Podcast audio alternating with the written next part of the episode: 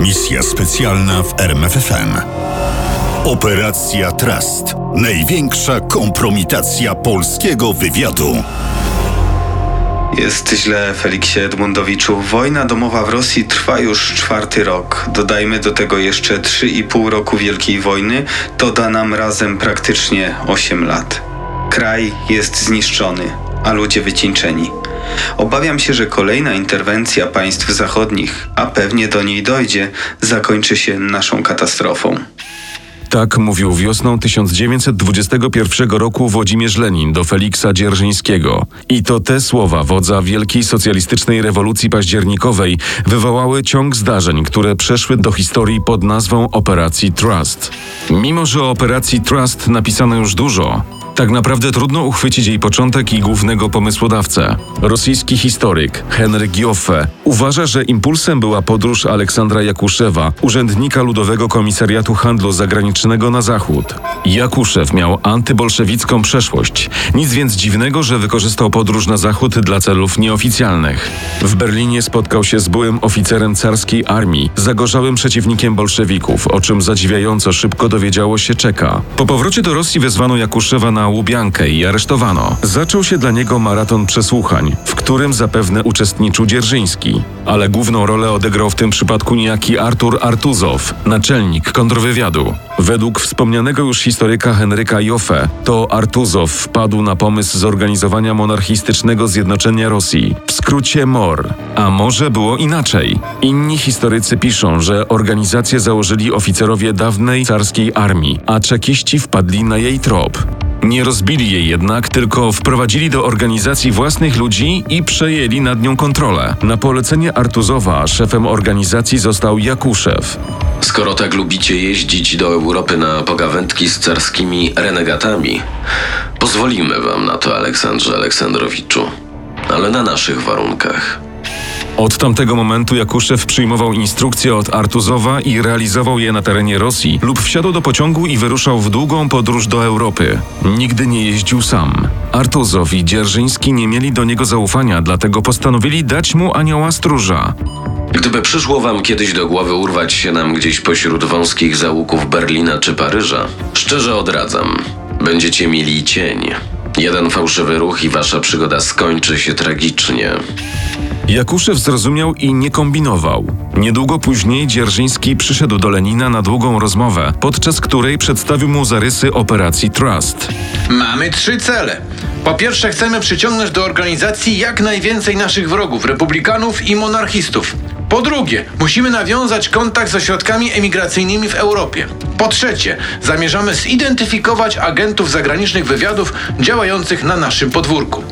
To bardzo ambitne cele. Nie wiem, czy nie idziecie Feliksie Edmundowiczu w tych planach za daleko. Zobaczymy.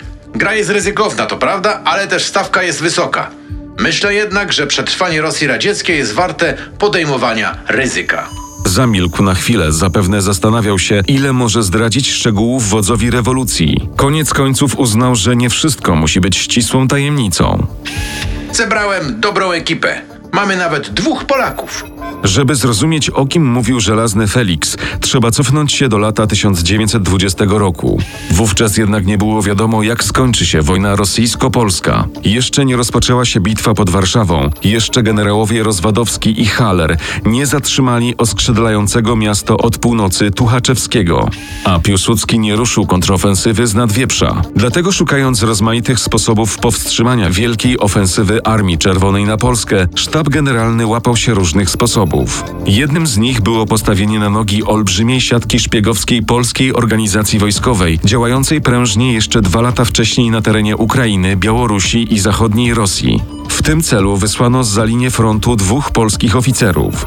Porucznika Wiktora Steckiewicza i Ignacego Dobrzyńskiego. Steckiewicz ruszył na Ukrainę okrążną drogą, przez Estonię. Jaką drogę obmyślił sobie Ignacy Dobrzyński, tego archiwa nie zapamiętały. Obaj oficerowie do Moskwy dotarli bez przeszkód, lecz tam na ich trop wpadli funkcjonariusze Czeka.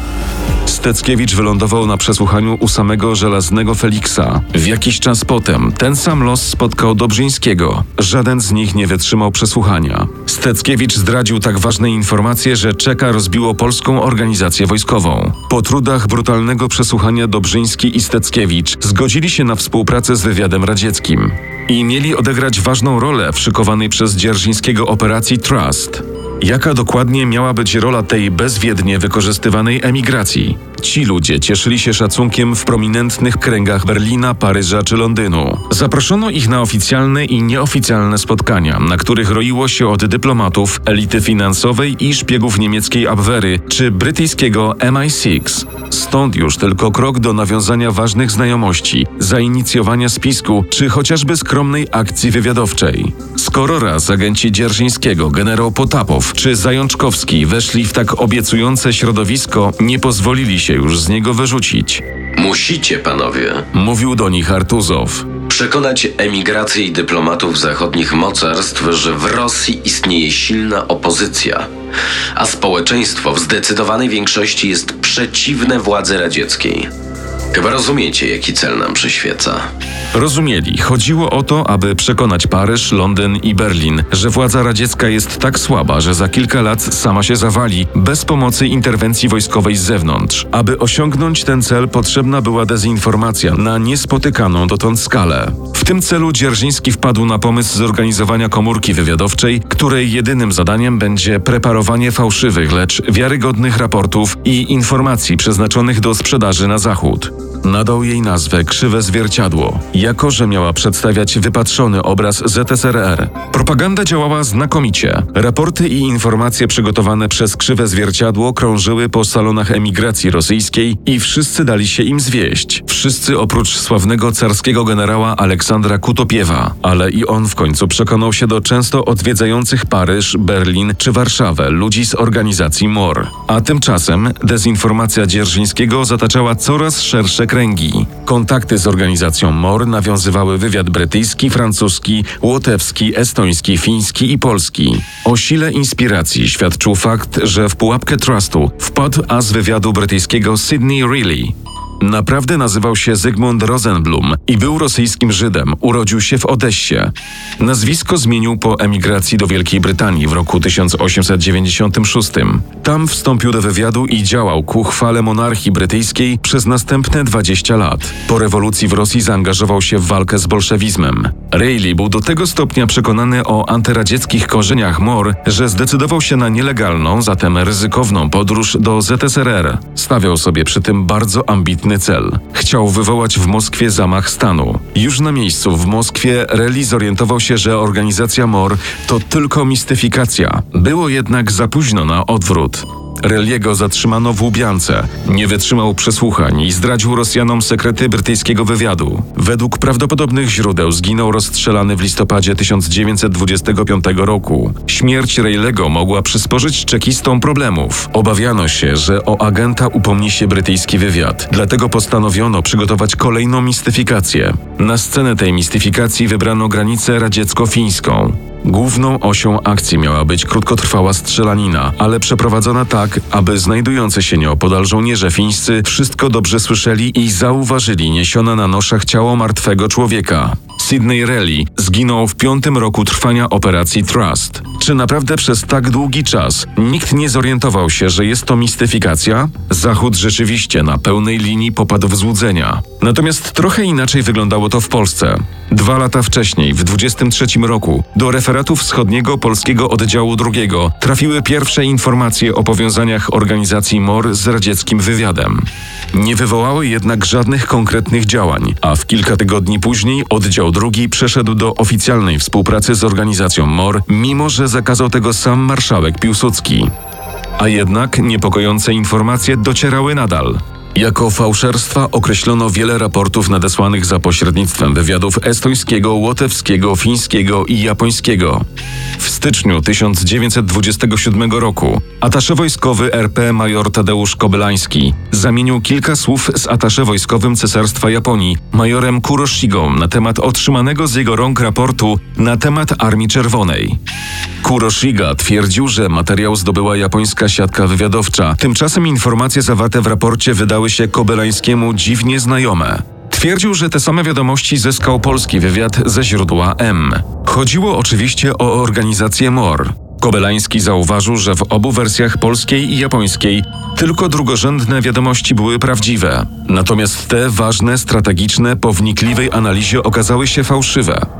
Mniej więcej trzy miesiące później, wiosną 27 roku, wspomniany już wcześniej Wiktor Drymer dostarczył niezbite dowody na przygotowanie przez tajne służby Związku Radzieckiego organizacji MOR. I wówczas zwyciężył głos rozsądku. Decyzja o zerwaniu współpracy z MOR zapadła w Warszawie niedługo później. Było już jednak za późno na uratowanie polskiego wywiadu przed klęską. Rosjanie poznali nie tylko sekrety oddziału drugiego, ale również metody jego działania. Przede wszystkim jednak rozbili polskie siatki wywiadowcze na swoim terenie. W tym kontekście rodzi się naturalne pytanie, który z oficerów oddziału drugiego w latach dwudziestych był agentem OGPU? Szukając odpowiedzi można natrafić na nazwisko majora Tadeusza Kobelańskiego. W kontekście służby w wywiadzie w bogatym życiorysie Tadeusza Kobelańskiego istotna jest służba w armii carskiej w czasie Wielkiej Wojny oraz pięcioletni pobyt w Moskwie w latach 1924-28 na stanowisku atasze wojskowego. Sprawa ta jednak nie jest prosta. Przecież to Kobelański ostrzegał Warszawę o podejrzeniach wobec MOR, mimo że zdaniem oficerów wywiadów zachodnioeuropejskich i wywiadu japońskiego Rosjanie nie byli w stanie przeprowadzić operacji inspiracyjnej na tak szeroką skalę. W 1928 Kobelański wrócił do Warszawy, a ponieważ na jego honorze nie było żadnych plam, oddział drugi nie zerwał z nim kontaktu. Zatem skoro nie on, to kto? Odpowiedź nadal leży utajniona w rosyjskich archiwach. Po More Trust pozostał poważny bałagan. Trudno było stwierdzić, którym oficerom można ufać, a którym nie. Likwidowano więc placówki i kontakty na terenie Związku Radzieckiego. Zmieniono tryb pracy referatu Wschód, a w praktyce ograniczono go do obserwacji i analizy oficjalnych źródeł informacji. Afera, która przeszła do historii pod nazwą More Trust, dała Związkowi Radzieckiemu siedmioletnią kontrolę nad polityką antyradziecką państw zachodnich. Niewątpliwie była majstersztykiem sztuki wywiadowczej. Nie można jednak nie zauważyć, że bazowała na naiwności zarówno emigracji rosyjskiej, jak i oficerów wywiadów zachodnich, w tym również wywiadu polskiego. Operacja More Trust zbliżała się do końca. Lenin już nie żył. Dzierżyński również. Jego następcą został Wiaczesław Międrzyński, również Polak i to on zdecydował o wygaszeniu trustu. Dlaczego? Ponieważ operacja Trust spełniła już swoją rolę. Przez pięć lat powstrzymywała działania rosyjskiej tzw. Tak białej emigracji. Wyłapano i osądzono ważne figury antyradzieckiej opozycji, a przy tym sparaliżowano działania zachodnich służb wywiadowczych. A co najważniejsze, nie doszło do nowej interwencji państw zachodnich i II wojny domowej. Za to wiosną 1927 roku w gazetach emigracji rosyjskiej na Zachodzie pojawiły się liczne informacje o likwidacji w Moskwie jakiejś monarchistycznej organizacji, która rzekomo współpracowała z generałem Kutiepowem. Jak poinformowano, organizację zdradził niejaki Aleksander Operrut. Granica fińsko-radziecka nadawała się tak dobrze do nielegalnego przekraczania jak każda inna, ale tym razem Aleksander Operrut wybrał właśnie ten kierunek. Człowiek o tak niespotykanym nazwisku dobrze wiedział, co robi, ponieważ przez wiele lat był czynnym funkcjonariuszem Czeka. Tak przynajmniej twierdził, kiedy jakiś czas później spowiadał się ze swojego życia oficerowi fińskiego wywiadu. Mówił dużo o tym, co interesowało Fina, czyli o organizacji MOR. Potwierdził obawy państw zachodnich, że MOR zorganizowało Czeka, a lwia część jej członków to agenci radzieckiego wywiadu. Lecz prawdziwy szok wywołały podane przez Operruta europejskiej prasie nazwiska oficerów wywiadów zachodnich pracujących dla Rosji radzieckiej. Czy były to informacje prawdziwe? Czy może Rosjanie zaczynali nową grę wywiadowczą z Zachodem? Rewelacje Operuta miały jeden cel wprowadzenie zamętów w pracę wywiadów europejskich i przekonanie emigracji rosyjskiej, że została opanowana przez agenturę radziecką. Operut często wspominał o polskim oddziale drugim, bo też miał co opowiadać.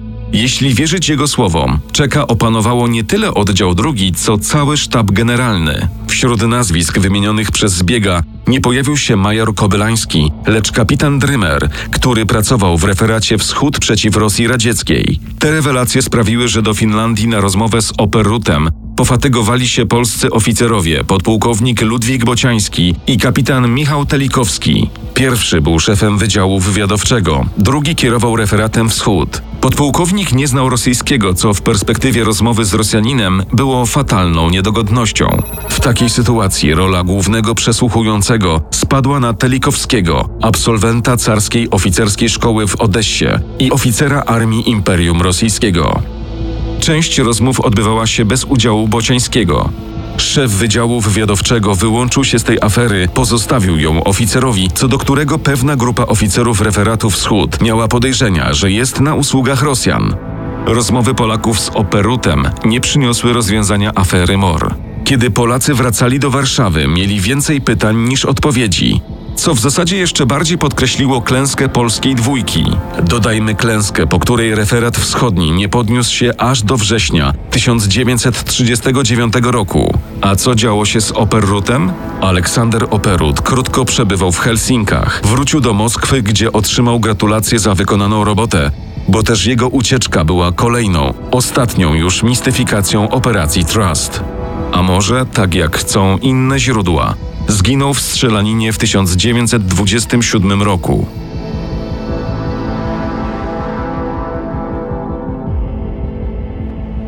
Misja specjalna w RMFFM. Na tropie największych tajemnic historii.